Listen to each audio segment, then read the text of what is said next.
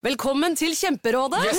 Denne gangen har vi fått inn et kjempedilemma fra en familie. Okay. Jeg leser Hei, vi er litt uenige i familien her. Mm. Hvis du skulle vært et dyr, ville du hatt gjeller eller vinger? Oi, den er tricky. Ja, hva ville dere hatt da? Altså, jeg vet ikke, men Med familierabatt får de ubegrenset data fra Telenor fra 399 kroner. Da kan de jo scrolle seg til svaret, rett og slett. Ja, ok, Men for min del Ja. gjelder. Nei, nei, Gjelder. nei, vinger. Nei, nei, gjelder. Ja, okay, ja, kjempebra. Men eh, se nye mobilabonnement på telenor.no, da. Hvordan er det å leve som kriminell? Nei, da sprang jo de eh, og så låste seg inn på doet med en eh, brødkniv. Kanskje best å komme seg herifra før det kommer noe. Jeg slo meg gjennom altandøra. Målet med hele greia å selge dop og alt det her, det er jo å leve som han Ola Dunk, skjønner du. Han chiller'n, han går på ferier, han har hita si, han har ditt og datt. Det er akkurat det samme vi har lyst på. Hør røverhistorier gratis der du hører podkast.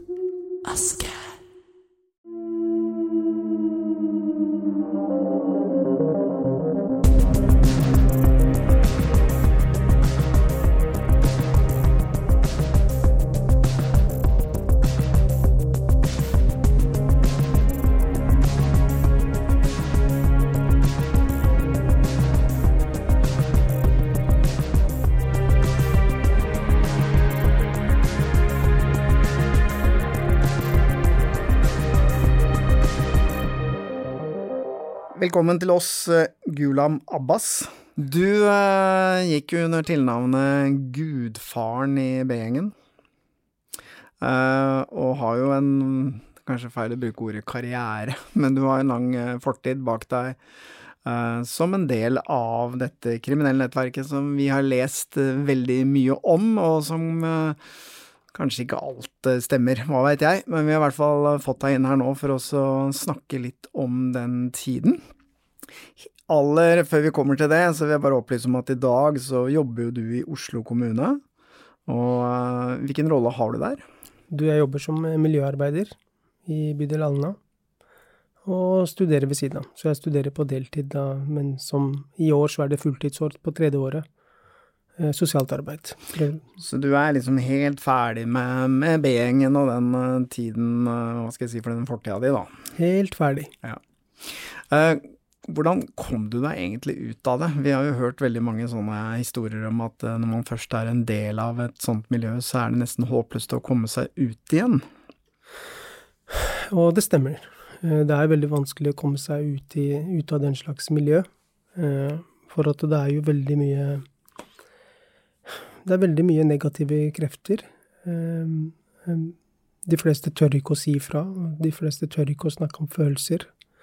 Eh, Veldig mye fasade, veldig mye Ja, det er veldig mye sånn negativ disiplin, da. Og eh, sånn koder og det ene og det andre. Um, som folk ikke tør å bryte, da. Eh, folk tør ikke å si fra at Jeg tenker jo at mange tenker at de vil ut, for at det blir jo ganske brutalt, og det kan bli veldig voldelig. Det blir eh, Ikke sant, det er jo ikke å stå opp om morgenen, og så skal du ta på deg først skuddsikker vest, og så skal du finne fram til våpen. Det er ikke et liv mange ønsker å leve. Nei. Og, men mye av det skyldes jo egentlig at det er en form for redsel. Ikke sant? Det er jo derfor du går rundt med våpen, for du er redd. Eh, Men eh, i miljøet så er det kult og tøft. Ja. Så det er litt sånn misforståelser, tror jeg. Ja, for da, da du våknet opp morgenen, så, så følte du liksom et behov for å, å ikle deg masse beskyttelse fordi du egentlig var redd. Ja, ikke sant. Også, men det, signalene er jo annerledes. Det ser ut som du skal ut i krig. Og det var jo på en måte en krig også, i en periode. Lang periode. Mm. Men eh, jeg kan tenke meg at de fleste, og mange, er redde, men tør ikke å si ifra. Så det gjør det vanskelig å komme seg ut. Men, men er det slik at hvis man ønsker å gå ut av det, så vanker det represalier eh, på et eller annet vis, eller er det mer den der psykologien i det, at eh, man bryter noen, noen grunnleggende regler, da? Du gjør jo det. Du bryter jo noen grunnleggende regler. Men det er jo litt av begge to, som du er inne på. Eh, For at det ene er jo hva du sjøl føler, og det andre er hva de andre sier og gjør. Noen ganger kan det bli sånn at du får eh, motgang. Og andre ganger så er det sånn at de får litt sånn De prøver å gi deg litt sånn skyldfølelse for at De var der for deg når du trengte det mest. Og nå trenger vi deg, og nå skal du gå. Ikke sant? Så det blir litt sånn psykologisk eh, Ja. spill rundt der, da. Ja, for dette var jo vennene dine, nettverket ditt. Det er jo der man finner tilhørighet, så det blir jo venner. Mm. Det gjør jo det. Så på mange måter så måtte du da bryte egentlig med, et, med masse venner og det miljøet som du daglig var en del av, da. Ja, eller sagt på en annen måte, eneste du har, da. Ja, det var det eneste du hadde. Ja, for at du har jo ikke veldig mange andre venner. Det er jo derfor du har funnet eh, deg inn i den slags miljø. Mm. For det var ikke andre steder du fikk tilhørighet, det var ikke andre steder du fikk innpass. Og da ble det til at det var det Det var det du fikk. Du har jo gitt ut en bok nå i høst i samarbeid med forfatter Kjetil Østli, som heter Gudfaren. Og eh, det jeg lurer litt på, er jo hva slags reaksjoner har du da fått i etterkant av at denne boka ble gitt ut? Jeg må først si at eh, boka var jo noe jeg ønsket å gjøre for å gi noe tilbake. Jeg følte et behov for å gi noe tilbake når jeg hadde tatt så mye. Jeg hadde tatt så stor plass og gjort så mye negative handlinger, og eh, jeg følte at jeg måtte gi noe tilbake. Så det var det som var, det var, det som var planen. Og jeg føler, at, jeg føler at jeg får veldig mye verdi av at jeg hører andre At det gjør inntrykk på andre mennesker. At det betyr noe for dem. At de eh, får noe lærdom av den. Og at jeg deler mine erfaringer, for det er jo, jeg deler jo mye av meg sjøl. Og ikke minst når jeg ser andre bli rørt, så blir jeg rørt. Og eh, da tenker jeg at det gir meg en verdi, da, som ikke kan sammenlignes med andre ting. Men samtidig så må jeg jo si at eh, det har jo vært veldig tøft, for at jeg visste jo at jeg kom til å få reaksjoner. Eh, Man er jo klar på at man har jo vært en del av det sjøl, så du veit jo hvordan det fungerer. Det vil jo alltid være en eh, form for misunnelse, hat, eh, misforståelser, ikke sant, og det er jo der det ligger. Og eh, mange av de som ikke liker boken, eller hater boken, eller hater meg, eller ikke ønsker meg noe godt, har jo sikkert ikke lest boka engang. Nei, de har bare fått med seg at det er en bok. Ikke sant? Ellers så har de fått med seg en eller to setninger fra boka. Mm. Og så har de dannet seg sin egen bok, da. Hvordan de tror den er. Men har du fått noen trusler? Ikke direkte, men det er jo ubehag i hva det blir fortalt, da. Gjennom uh, mellommenn. Vi skal komme tilbake til boka litt seinere, men nå kunne det vært interessant å høre hvordan du kom inn i det her eh, gjengmiljøet. Jeg var jo ganske ung når jeg følte på rasisme. Jeg ble jo slått ned når jeg var syv-åtte år gammel. Vi bodde på Tøyen og flyttet til Furuset, så det var liksom velkommen til Furuset. Og eh, som barn så er det vanskelig å forstå hvorfor du fikk den slags behandling, så det tok litt tid. Det tok litt tid for meg, og det begynte å skje mer og mer. Og både mobbing og slåing og sparking, og det ble jagd rundt, og ble kalt pakkis, det ble kalt svarting, utlending, gud veit, alt mulig rart. Og så klart, det setter jo seg på kroppen. Og det ble jo mer og mer, og det ble mer og mer alvorligere. Så jeg, som rundt 94-95 så ble vi jo ene gangen så ble vi skutt mot, og da kom vi oss unna. Og en annen gang så ble vi skutt på, og da døde en nær venn av meg, god venn av meg. Vi var tre stykker som gikk, han var i midten, og han ble skutt eh, midt i brøstet og døde. Og jeg løp høyre, og han til venstre løp venstre. Så vi kom oss for så vidt unna. Men begge to, de to ble truffet, og han i midten, han døde. Da var det en som hadde litt sånn rasistisk holdning, da, som ikke vi kjente til i det hele tatt. Og aldri møtt før, for å si det sånn.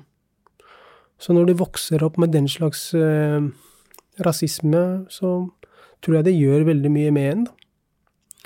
Ikke minst eh, følte jeg jo meg ikke Jeg følte meg ikke Jeg hadde ikke noe bra språk. Jeg hadde ikke god nok språk. Jeg fikk jo ikke lov til å være med i norskklassene. Jeg måtte gå på norsk 2. Jeg tror sånne ting er med på å gjøre uh, Ja Gjøre noe med deg. Du føler at du er ikke god nok. Ikke var jeg god i matte. Det er jo fleste av oss utlendinger er ikke gode i matte. Det handler sikkert også om tekstoppgaver. Så de tingene førte vel til at jeg falt mer og mer ut, da. Hvordan var situasjonen hjemme da, hos deg? Hjemme var jo situasjonen for så vidt greit, men du kan tenke deg eh, Pappa måtte jobbe par-tre jobber og var mye på jobb. Og noen ganger når det var nattjobb, så spurte vi om å få bli med, for vi savnet han og ville bli med han. Og han bidro jo så mye som han kunne.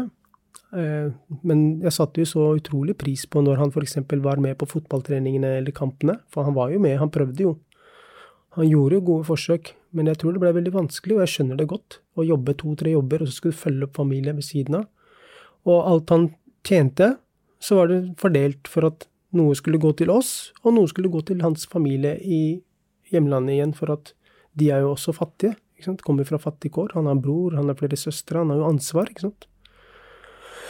Og mamma måtte jo da ta, oss av, ta av oss seks gutter, da. Ja, du har Som fem, fem brødre? Ja, vi er seks brødre. Vi var syv. Ok. Så mamma mistet sin førstfødte. Han ble påkjørt eh, borte ved Jar der før jeg ble født, da. Så jeg kjenner, det, kjenner bare til det av å bli fortalt.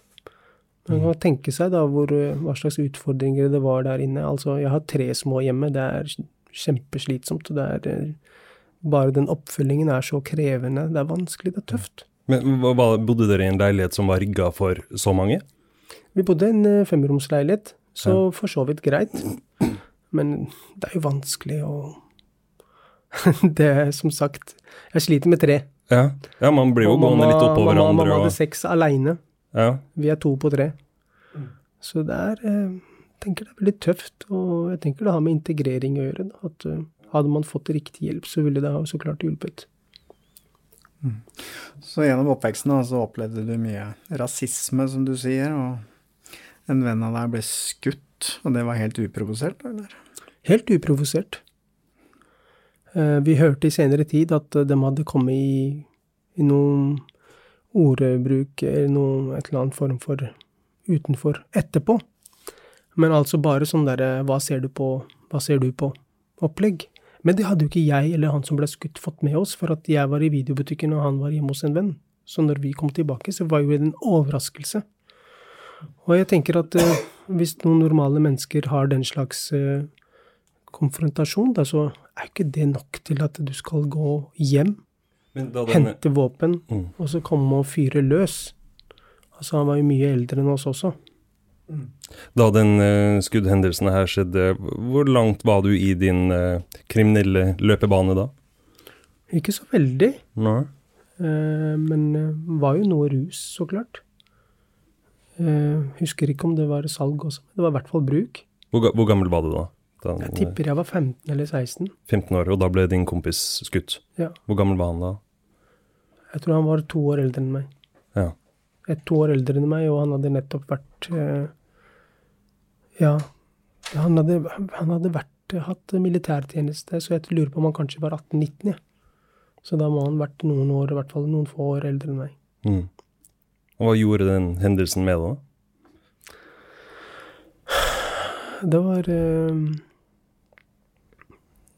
Det var veldig tøft. Det var vondt. Eh, Jeg prøvde å Jeg prøvde å unngå følelsene lenge. Jeg prøvde å em, Jeg prøvde å lære meg å ikke føle noe, sånn at jeg kunne holde meg unna og vise meg Jeg så på det som en svakhet, da. Så følte jeg, I tillegg så følte jeg at jeg hadde skyld i det. Så hadde jeg en sånn litt sånn skyldfølelse, så kanskje derfor. Men jeg hadde jo ikke gjort noe, eller jeg hadde jo ingen grunn til at jeg skulle føle sånn. Men som barn og ungdom så gjør ting eh, Det virker på forskjellig da, vis, da. Fikk du noe som helst oppfølging da? Jeg mener eh, fra politiet, fra helsepersonell, fra skole? Jeg fikk veldig liten oppfølging. Jeg husker at eh, klubben var der vi pleide å være, og de var veldig interessert i å hjelpe og sånn. Men de hadde jo så klart ikke den riktige kunnskapen. Men jeg tror de klarte å skaffe psykolog, eller psykiater, og det fikk jeg gå til. Eh, for så vidt, men det, var, det ble jo sånn at jeg ble, ble utdelt eh, sovetabletter. Og det ble misbruk av det òg, ikke sant. For eh, det er jo ikke det jeg trengte. Nei, du fikk noen medisiner, rett og slett, for å få sove. Ja. Mm. Hva trengte du da, egentlig? Nei, jeg tenker jo at man trenger oppfølging med tanke på gode samtaler, og bli forstått og bli fortalt, og liksom Sånn at man skjønner situasjonen. Du skjønner jo ikke situasjonen som 15-16 år gammel. Da. Eh, Jeg tenker at man trenger egentlig et helt apparat for å få oppfølging på Mm. forskjellig vis. Og da ble jo Ja, mye rakna egentlig etter det. Ja, for du fikk ikke den oppfølginga, og hvordan var, gikk veien videre da, fra du var 15 år og den skuddepisoden? Nei, det ble jo mer eh, sjø og salg, mer rus, ikke sant. Du flykter jo på en måte å, ved å ruse deg. Det blir jo en form for flukt. Utsette ting, utsette ansvar, utsette følelser. Og det hjalp jo, jeg må være ærlig.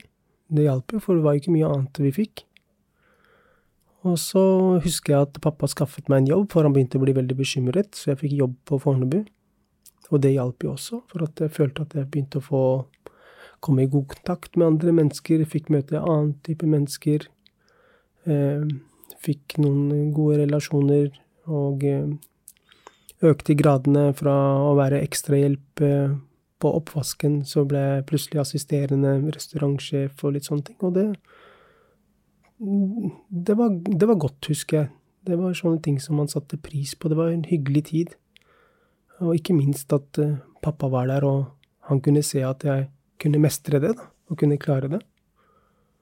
Men så kom jo utfordringen igjen, at uh, Fornebu skulle nedlegges, og Gardermoen skulle opp, og da skulle Anne sjekkes gjennom med vandelsattest og sånt, og så kom det jo opp eh, en sak som jeg hadde, da. Ok, så da mista du jobben. Så da mista jeg, fikk jeg ikke være med videre. Ja, var, var det rett tilbake igjen til dette gjengmiljøet, da? Ja, da var det jo nesten rett tilbake. Jeg fikk jo søkte jo jobb, og fikk jobb på Grønland sosialkontor.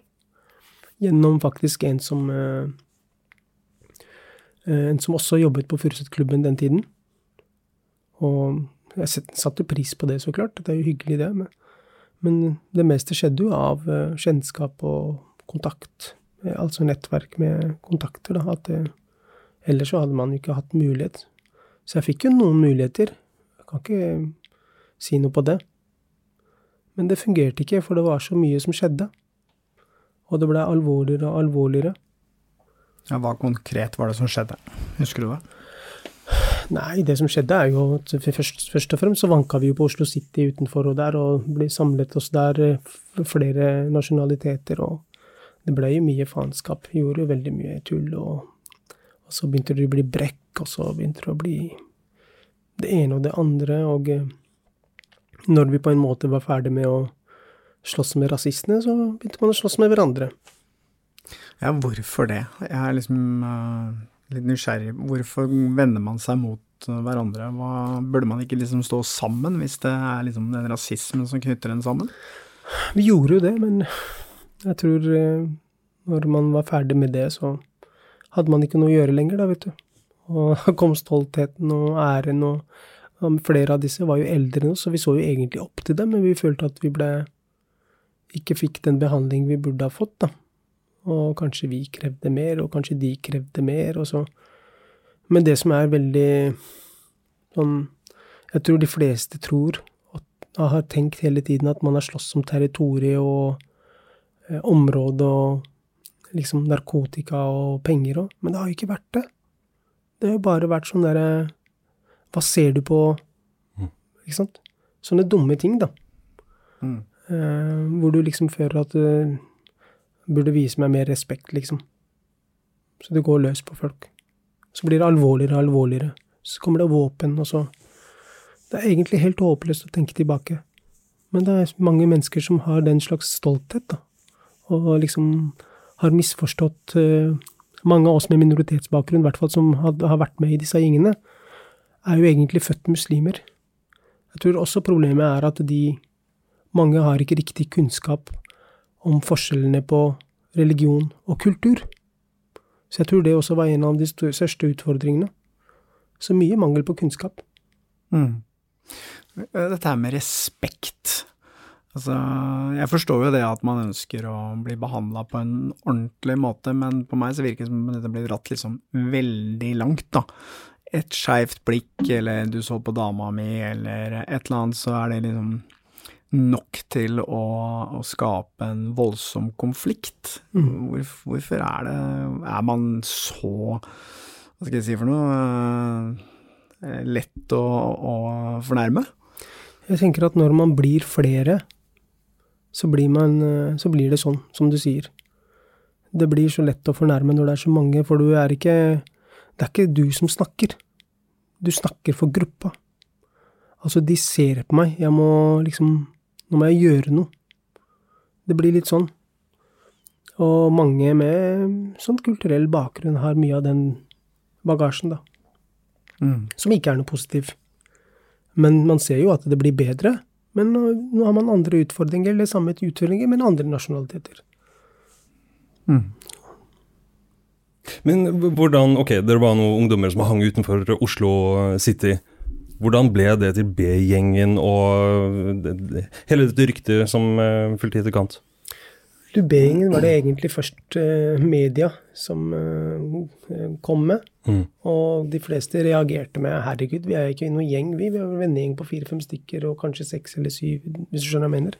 Det var så lite på den tiden.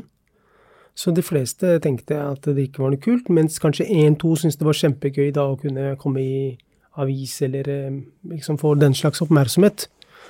Men vi var jo fortsatt veldig unge. Og, men det, derfor er jeg veldig forsiktig og prøver å ikke si gjeng. For at vi vokste oss jo inn i den gjengen som vi fikk eh, navn på. det. Mm. For det var jo ikke sånn at vi var så organiserte at eh, du, vi danner en gjeng, og vi, er, vi skal gjøre det, og vi skal gjøre det. Det var jo ikke sånn i det hele tatt. Men som sagt, vi vokste i gjengen, den gjengen, da. I det navnet. Men det var ikke et navn som dere ga dere selv? Nei, Det ble gitt av media? det ble gitt av media. Det var jo egentlig ikke noe kompliment, da, for B-gjengen i Donald-universet er jo Det er ikke akkurat uh Hva skal jeg si for noe? Den framstår ikke som noe profesjonelle kriminelle, for å si det sånn. Nei, og det var sikkert sånn de tenkte òg, ikke sant. Når de kom med det. Mm. Så det er litt eh, Ja. Men ok, det var du og tre-fire ja fem var, kompiser. vi var kanskje seks, sju, åtte venner, på en måte. Men kan du beskrive den her overgangen fra å henge utenfor Oslo City Mm. til å bli kriminelle? Altså, man øker jo, ikke sant. Man prøver og man utforsker og man ser og prøver ut grensene, da. Og så detter man og faller mer og mer ut, og det kommer jo av først og fremst at det ikke er noen som fanger deg opp, da.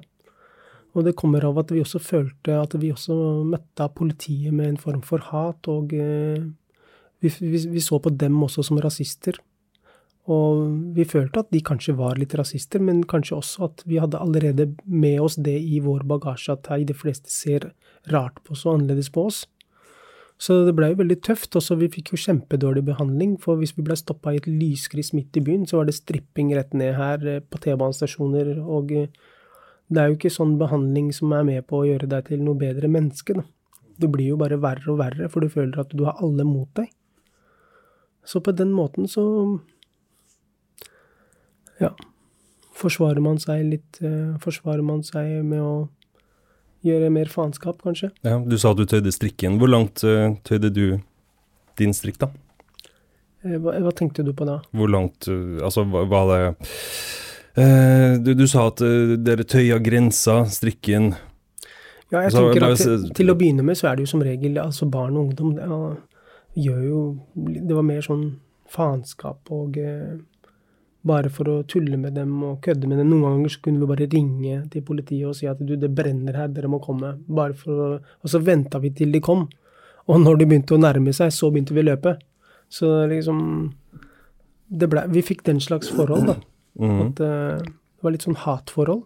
Litt sånn guttestreker, egentlig, da. Guttestreker, det er der det starter. Det ikke, Men, men, det det ble ikke- alvorligere og alvorligere, ikke sant. Så, Ja. ble, så hatet ble reelt. Eh, for at vi husker jo når de på i en periode kom til Furuset, vi lot dem ikke komme. Vi steina ned alle politibiler og alle politi, så de turte ikke komme. Så vi spanere, så gikk vi løs på dem. For at det var vårt territorium, liksom. Så jeg tror det gjorde noe med oss. Men du sier at politiet behandla dere litt dårlig, og dere ble strippa, og det skapte et hat. Men, eh, men sånn, hvis du ser på det med dagens øyne, da, jeg mener eh, hvis dere dreiv med narkotikasalg Mm. og, og drev med kriminalitet, var det er det merkelig at politiet gikk litt hardt løs på dere, eller eh, hva tenker du om det da? Jeg tenker at det er viktig å ha en god balanse. At hvis du får et menneske til å føle at det har med hudfarge å gjøre, så blir det feil. At man må være såpass profesjonell i sitt yrke, da. At ikke man uh, skal få andre til å føle sånn. Og så må man huske på at vi var ungdom. Eh, Eller unge voksne. Ikke sant? Vi har jo ikke Vi var ikke modne nok heller, ikke sant? Vi har jo ikke hatt eh, normal oppfølging på skole, på videregående eller i arbeid. Så vi har jo bare følt oss utenfor. Og jeg tror det gjør noe med, med mennesket, da. Eh, hvordan du vokser opp, hva du vokser opp med, hva du har, hva du ikke har. Mm. Og så har man jo disse filmene og seriene da, som man ser på og finner, eh, finner heller eh, skurker som er kule der. For du har ikke forbilder og rollemodeller der ute. Nei. Og da finner du de. Og de passer jo helt perfekt. Ja, for da jeg leste boken din, så, så er det ganske mange sånne filmer som du eh, nevner. Eh, litt sånn Scarface og Gudfaren og Så det du sier at disse filmene ble på en måte rollemodellen din, da? Definitivt, det ble det. Mm. For det er jo det du, der du finner eh, Der, der du finner eh, det du syns er kult, og det er, der, er der du finner dine rollemodeller, da.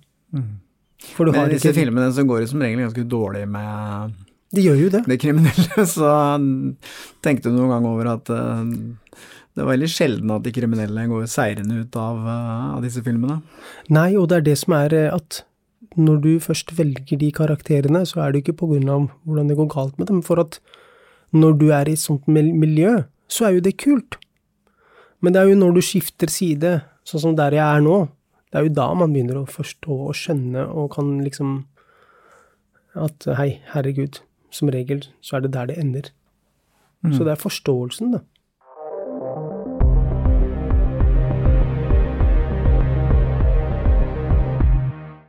Men hva, hva tenkte du da du avfyrte et våpen første gangen? Liksom? Det må jo ha vært en sånn terskel å, å tråkke over, for å si det sånn. Jeg tenker at det meste som du prøver og eh, Opplevelsen, det liksom Jeg tenker det handler Mye av det handler om mestring, da. Og så er våpen og sånne ting veldig kult for at du har sett det på film. Og vi hadde jo sett det bli brukt mot oss. Så vi hadde litt sånn blandet eh, syn på det, tror jeg. Så det ble jo kult. Jeg kan ikke lyve. Det ble jo kult. Det er kult å bære våpen, jo, for du forsvarer deg. Mm, du føler deg tøff, mektig. Ja, du gjør jo det, ikke sant. Mm. Du gjør jo det. Du føler jo at det er en trygghet i at du bærer våpen, for at du kan forsvare deg sjøl. Men det er jo ikke bare bare å avfyre et våpen. Jeg mener, de aller fleste må jo trene på å bruke et eh, våpen. Hadde dere trening, var dere på skytebanen eh, eller sånne ting, eller eh, bare fikk dere tak i et våpen og kjørte gangstervarianten for å skyte? Jeg tror nok at vi kjørte gangstervarianten, men jeg regner med at du har hørt om at vi fikk en liten sånn treningsgreie.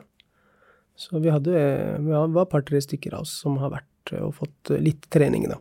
Det må vi si. Og Ja, på noen skyteklubb, da, eller i skogen?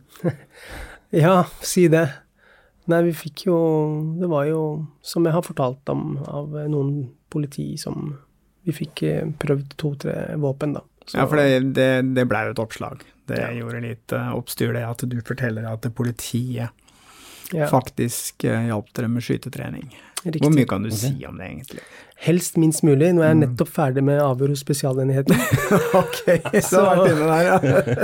Så jeg får se hvordan det går fremover, men jeg tenker at det er viktig å få frem av hvor jeg står i dag. Mm. Altså, og det er ikke bare politi det gjelder, jeg tror det gjelder mange yrker, mange Det er Jeg tenker det handler om profesjonalitet i profesjonen. Ja, så dere, dere fikk faktisk hjelp da fra profesjonelle innen forskjellige grener, hva skal jeg si for noe, til å bli mer profesjonelle dere òg? Ja, ikke sant. For man når man vokser, og det er penger i bildet, og det er makt og Men her så var det jo litt annerledes, for at eh, jeg, jeg føler jo og tror jo at når de fikk vite hvem vi var, så ble jo tilbudet borte også, ikke sant. Så, men at eh, når man har penger og får makt, så øker jo kontaktnettverket. Mm. Du får jo kontakter både litt her og litt der. Og da blir man jo mektig, og føler seg mektig. Ja. Hvor, hvor mektig var du på det høyeste, da?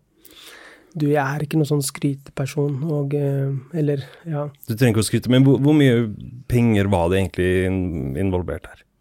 Det var mye penger, kan jeg si. Det var mye Ja. penger, og ja. Men, eh, men det er jo ikke bare bare å tjene mye penger. Altså, hva gjør man med å forsvare disse verdiene overfor eh, politi, skattemyndigheter? eh, Hvordan, hvordan løste dere disse tingene? Det Nei, må jo ha vært en enorm kontantøkonomi, da. Jeg ser på det som god ledelse. Jeg tenker at det er mye av det samme i å være leder for en stor bedrift og å være leder eh, i en sånt negativt miljø. Du Ja, skal du inn, gjøre investeringer for at Ja. pengene skal vokse, og så må du betale penger. På en måte skatt for å vaske litt. Så det er jo mye av de samme eh, grunnreglene, da. Ja, for det ble en butikk, rett og slett. Det ble en butikk. Mm. Ja, for jeg har jo lest noen sånne trusselvurderinger fra politiet osv., hvor de skrev at uh, vi ser at de investerer i næringseiendom og i butikker og restauranter og sånn for å så hvitvaske kriminelt utbytte, og det var det du holdt på med da, eller? Ja.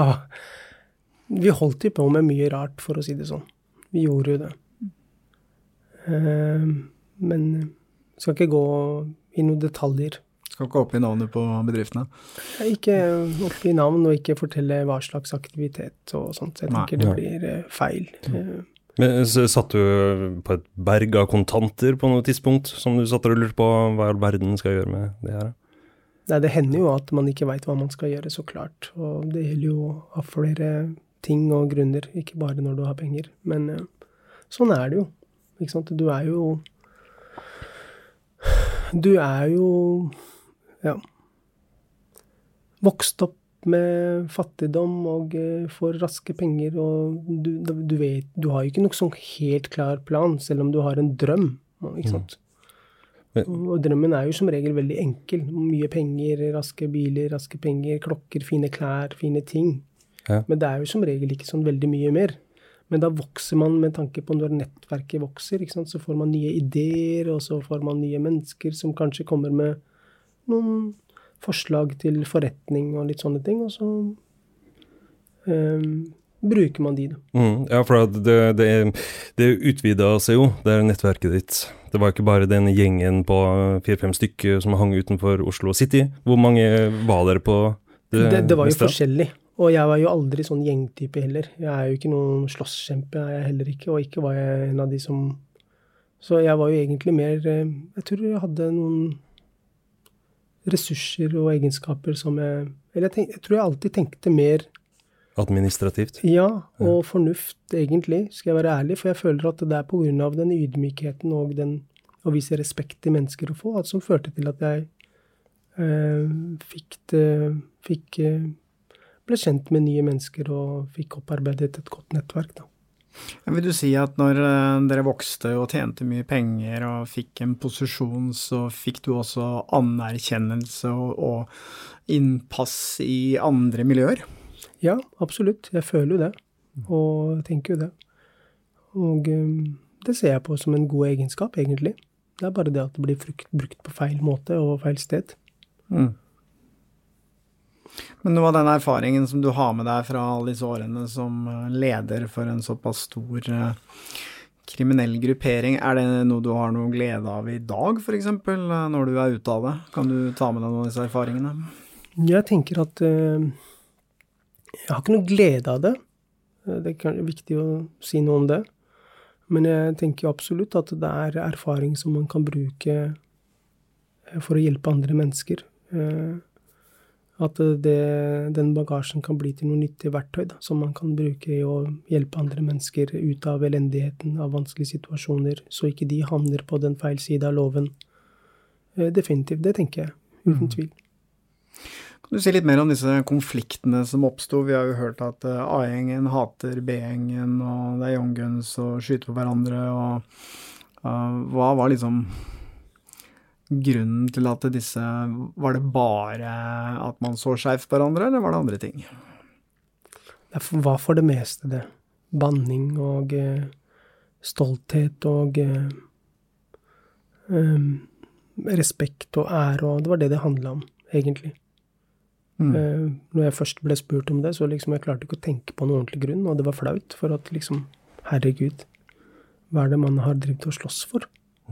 Men denne A-gjengen, hvem var de da? Var de en annen gjeng som sto og hang utenfor byporten, eller? Vi kjente jo flere av dem, Ja. eh, for å si det sånn. Eh, Så ble det jo til at de ble tatt under Eller vi følte at de ble tatt med i Youngens, da. Så følte vi kanskje at vi kjente jo de egentlig best, og de tenkte kanskje det samme. Så ble det jo til at det ble sånn at eh, man følte seg Følte at man fikk litt feil behandling, da. At uh, man fortjente mer, og uh, var litt sånn sånne småting. Ja, for Young Guns uh, var jo en gjeng som allerede var godt etablert. Ja, de var jo eldre enn oss. Ja. Og så Mens A-gjengen var kanskje litt mer mm, jevngamle som oss. Men det er også kanskje noe Ja, sånn cirka jevngamle, ja. ja, og så blir eh, A-gjengen liksom innlemma i Young Guns, da. Ja, jeg tror nok at de i hvert fall eh, innlemma, det er kanskje feil ord, for at eh, Men i hvert fall at de under vingene, som du sa. Ja, Ja. vi følte det sånn. ja. Ok. Men jeg, jeg husker det var en politimann som sa til meg en gang at uh, altså forskjellen på A-gjengen og B-gjengen er at A-gjengen har kanskje en litt eh, en bakgrunn fra hjemlandet hvor det er litt høyere status, da, men B-gjengen er liksom mer lav status fra hjemlandet, og konflikten oppstår pga. det. Er, er det riktig, eller er det bare tullprat? Jeg tror det er tullprat, skal jeg Mm. være ærlig. Jeg kan ikke helt se for meg det. Men at eh, mennesker kan finne på å si noe sånt, ja, det er jo sånn det er i vår kultur. Vi ser jo ned på andre mennesker. Vi har jo fortsatt det kastesystemet. Vi, har jo veldig, vi er veldig opptatt av det med klasser. Veldig sånn Jeg er bedre enn deg. Mitt barn skal ikke gifte seg med ditt. Dere er arbeiderklassen, eller dere er den klassen. Så vi har jo den holdningen, da.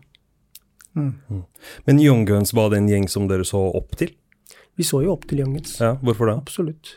For de var eldre, og de hadde, vi følte at de hadde kjempet den kampen om rasisme, og liksom, de var liksom våre forbilder på en måte. da. At de kunne man støtte seg og lene seg mot. Eh, For de kunne forsvare oss på en måte. For det var jo det vi trengte. Mm. Eh, Vi hadde jo ikke så veldig mange å gå til. Men på et eller annet tidspunkt tenkte dere ikke at eh, ok, vi ble utsatt for uh, dårlig behandling, rasisme, så vi skal ta igjen nå med å være en gjeng som, eh, som eh, skal vi si, har makt til å gi represalier tilbake, da. Men tenkte dere ikke på noe tidspunkt at det kanskje ville være med på å forsterke fordommene mot dere? At, eh, at se på disse innvandrerne her, de danner gjenger, og de skyter, og de selger narkotika, og de finner på faenskap. Det var det jeg sa. Det er bare dårlige folk. Mm. Tenkte dere ikke det? Vi tenkte jo litt sånn, men at når du er midt i det, så er det så veldig vanskelig å tenke klart. Eh, For det er så mye Det er jo en negativ energi der, ikke sant. Det er noen krefter der som er vanskelig å komme løs. Eh, Og så er man jo preget av konfliktene. For det er jo konflikt eh, konstant, ikke sant. Så den der følelsen av å enten være på eller av og Det er slitsomt. Eh, Det å streve på den måten er veldig vanskelig, det er veldig tøft. Det er veldig lett å se det utenifra, men å være der inne er utrolig slitsomt. Det er mye som blir uklart. Det er mye som blir sånn skyggete. Og det eskalerte jo voldsomt utover på 2000-tallet, øh, og endte jo med en skyteepisode på Aker Brygge i 2006. Hva, hva kan du fortelle om den hendelsen? Jeg tenker å ikke fortelle noe om den hendelsen, for jeg var ikke involvert på noen som helst måte. Nei. Selv om den berører meg. Så alt er jo der ute. Så jeg tenker at de som vil vite om den hendelsen, kan lese i media. Ja, for det var jo en hendelse som på mange måter betydde litt sånn slutten for dere, da. fordi da fikk dere jo enormt press fra politiet. De Ja, bestemte jeg seg for å ta dere. Ja, for hvis jeg skal se sånn utenfra, så tenker jeg at det er jo en alvorlig hendelse, helt klart, uten tvil, men at det skjer jo også hvor det er veldig mye i offentligheten, da, mange mennesker til stede, ikke sant. Det kunne ha gått veldig, veldig gærent. Så det er jo noe jeg deler med andre. Jeg tenker at jeg deler det samme. Men når sånne ting skjer, så skjer det litt sånn der og da. Det er som, regel, det er som regel ikke planlagt. Nei. Eh, ikke sant? Men så klart, den ble jo veldig alvorlig for oss, da. Og eh, det førte jo til at Operasjon Nemesis og eh, Paradis og alt det ble satt sammen, ikke sant. Eh, men eh, Men på det tidspunktet da, da de skuddene falt på Aker Brygge, var du da lederen av B-gjengen? Så du på det selv som det? jeg har egentlig aldri sett på meg sjøl som leder, og vi var aldri så organisert heller, hvis du skjønner hva jeg mener. Men at vi hadde noen mennesker som var sånn lederfigurer, at de er eldre brødre, hvis du skjønner hva jeg mener. At man har litt mer å si på den måten. Men jeg var veldig sånn forretningsorientert. Mm. Husker du hvordan du reagerte på den hendelsen? da? Jeg var med familie da, på den tiden, Mm. og syntes det var kjempekjipt. Eh, Det var eh, ikke noe særlig. Jeg, sier jo, jeg tror jeg sier noe om det i boka. Mm. Og det ble stress. Det ble ny stress. Ikke sant. Da det liksom eh, Man prøver jo å komme seg ut. Jeg forsøkte, men jeg gjorde sikkert ikke god, godt nok forsøk. Men jeg forsøkte jo, og dette her ble jo igjen en sånn greie hvor man forsøker å komme seg ut, men blir dratt litt sånn tilbake. Eh, så det var eh, veldig synd. Ja. For du, hadde et ønske om å komme bort fra dette miljøet? Ja, flere ganger. Ja. Flere ganger følte jeg, at, eh, følte jeg behov for å gjøre det, men jeg, jeg gjorde sikkert ikke sterkt nok forsøk, og så hadde jeg sikkert ikke så veldig mye støtte heller, og da blir jo ting vanskelig. Ja. Du hadde ikke noe alternativ å gå til, eller? Nei, man har jo som regel ikke det, for hvem andre har man da? Det er jo dette her man har vokst opp med, kjenner til og kan. Men på det tidspunktet så hadde dere jo tjent ganske mye penger. altså vidt jeg husker så var jo de pengene plassert litt både her og der. Uh, kunne du ikke bare ha trukket deg tilbake og, og levd på utbytte? Jo, det er jo et spørsmål man kan stille seg alltid. Og uh, det tror jeg mange tenker også. Mm. Så er det jo den skyldfølelsen, da, og, og eh, om du sjøl føler på det eller ikke, men i hvert fall andre får deg til å føle på den. Mm. At det også er med på å gjøre det litt svakt, da. Dette fikk jo ganske store konsekvenser for familien din også. fordi da politiet satte i gang operasjon Nemesis, så begynte du jo å kartlegge hele familien og økonomi og alt som var, og på et eller annet tidspunkt så ble vel faren din også fengslet, ble han ikke det? Jo, både, både mamma og pappa ble fengslet. Hvordan, hva tenker du om det i dag? At de, for de hadde vel ikke vært med på dette hadde de det? Nei, de hadde jo ikke noe med dette å gjøre, så det var jo egentlig Jeg må jo ta skylda på meg som storebror, som ansvarlig for alt det her. Og eh, jeg følte at det ble veldig feil. Så jeg reagerte jo veldig med sinne. Jeg var veldig sint og veldig sånn Skulle hevne meg. Jeg skulle hevne meg på politiet. Det skjedde ting i hodet mitt. Jeg skulle ta igjen på politiet. Jeg skulle bombe politihuset. Og i mitt hode så var jeg dønn seriøs. Men det er jo sånn man blir, da, når man eh, på en måte har litt makt og tror man er litt stor. Så tenker man at eh, da kan man gjøre den slags. Så etter hvert så begynner det å gå opp for meg, ikke sant. At eh, når jeg begynner å se på foreldrene mine, og ser hva slags situasjon jeg har satt dem i, ikke minst alle andre som var både involverte og til og med flere uskyldige. Da måtte jeg ta et oppgjør med meg sjøl. Det ble et vendepunkt for meg, da. Hvor jeg måtte gå inn i meg sjøl, og vanskelig var det, for at eh, man har jo unngått det hele sitt liv. Å se seg sjøl ordentlig i speilet. Ehm, det ble vanskelig. Så det var en prosess som tok tid, da. Men eh, Hvordan reagerte foreldrene dine da på å bli satt i fengsel? Kan du huske det?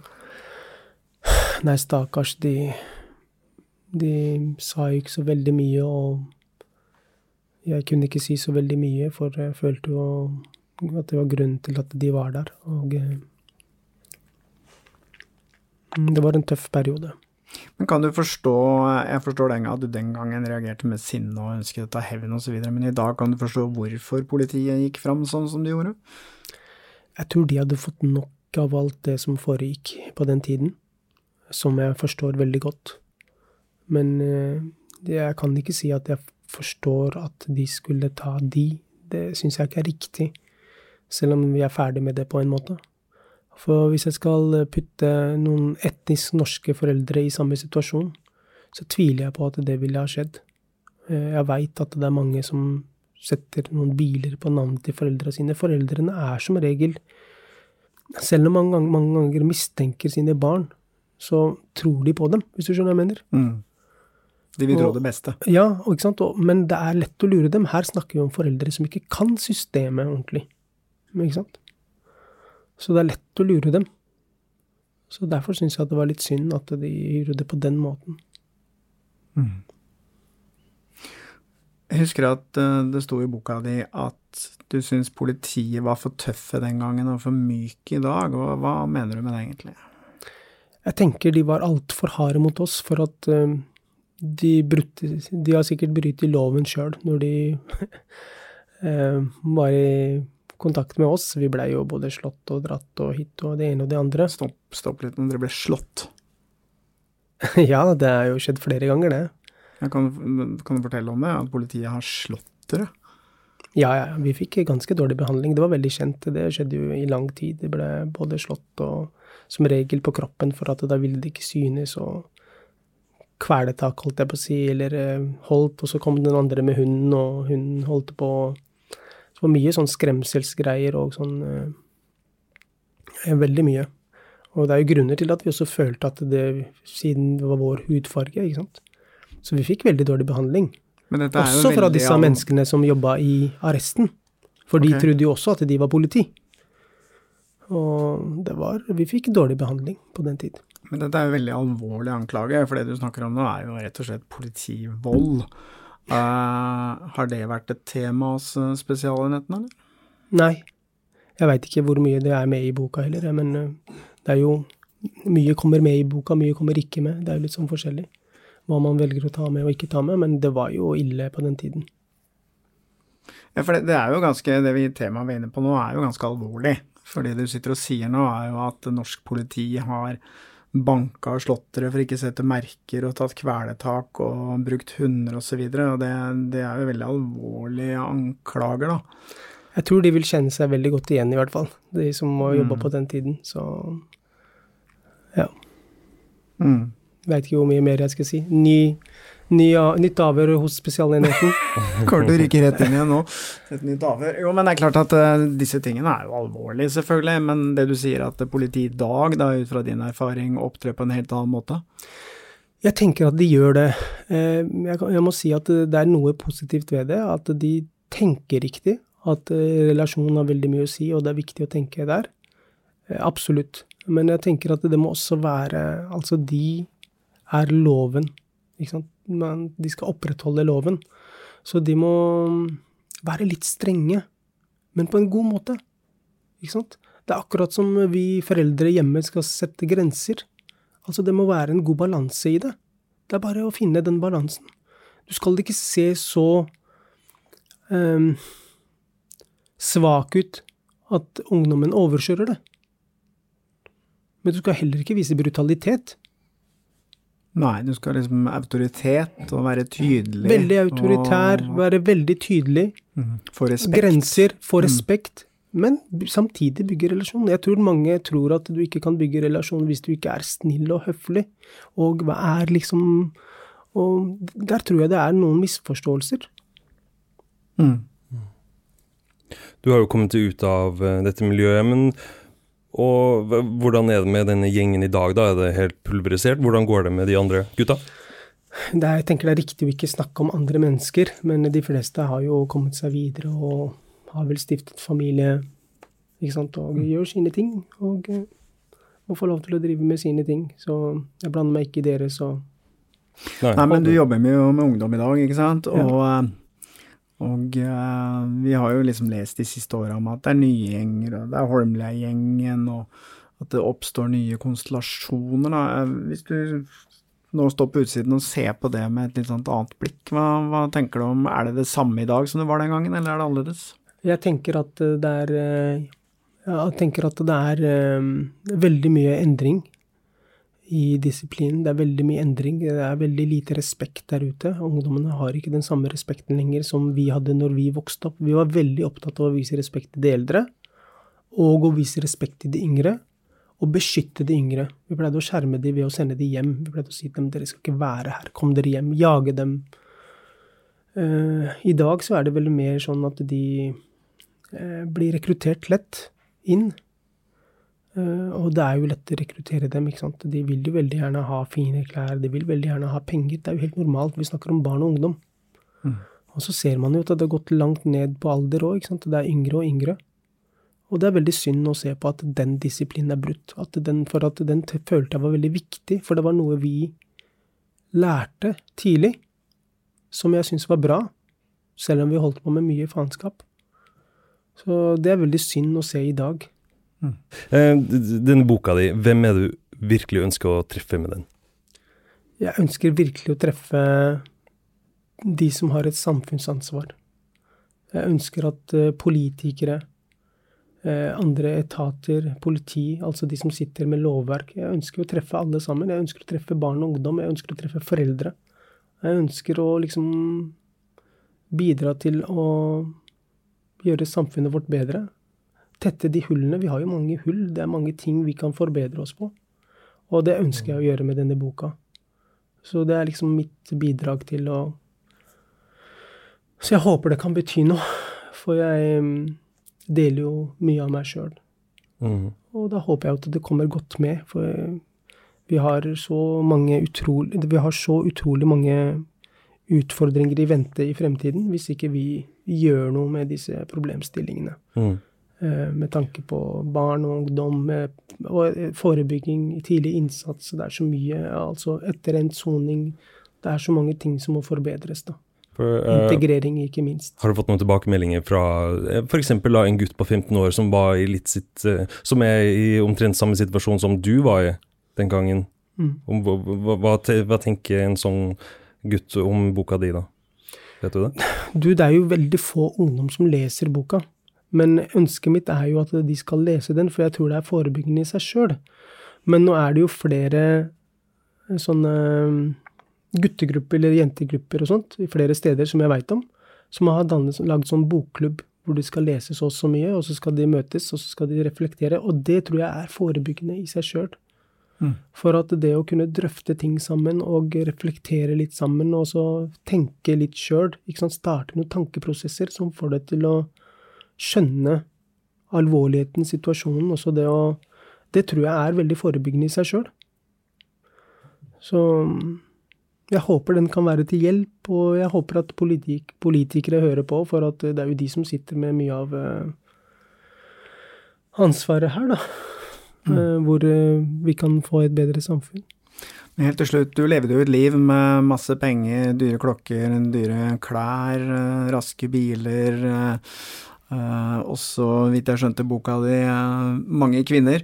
Eh, savner du det nå, livet der, eller i dag lever du et ganske normalt liv som med kommunal lønn og Du, nå lever jeg jeg ja, en ganske så normalt liv. Altså, jeg tjener ganske så bra, skal jeg være ærlig. Jeg er veldig fornøyd. Men jeg får bare lov til å sitte igjen med minste livsoppholdssats.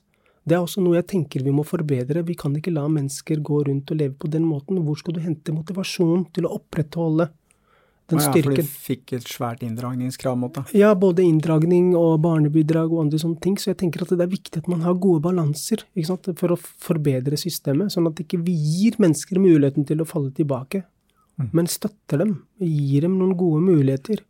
Jeg studerer som voksen. Det er ikke sånn at jeg får studentrabatt. Jeg får jo ikke stipend heller. Ikke? Så jeg må ta fullt lån. Så jeg driver og gjør det nå. Og så får vi se om, når jeg er ferdig med utdanningen, hvordan jeg skal betale det tilbake. Så jeg driver jo egentlig og bare belaster meg sjøl veldig mye, og fortsetter. Men jeg tenker at på den måten så kan man vise at det er mulig å klare seg. Men samtidig så vil jeg si at hvis andre mennesker skal holde på sånn som jeg gjør, så vet jeg at det er én av kanskje 100 eller 1000 som vil klare seg. For det er ikke mulig å gå ti år uten å få riktig hjelp. Ikke skal du få noen god jobb, ikke skal du få til noen god utdanning, for at du har gjeld, gjelda over deg, og du har alle disse andre utfordringene som er der ute i hverdagen. Det er utrolig vanskelig, og det er veldig slitsomt.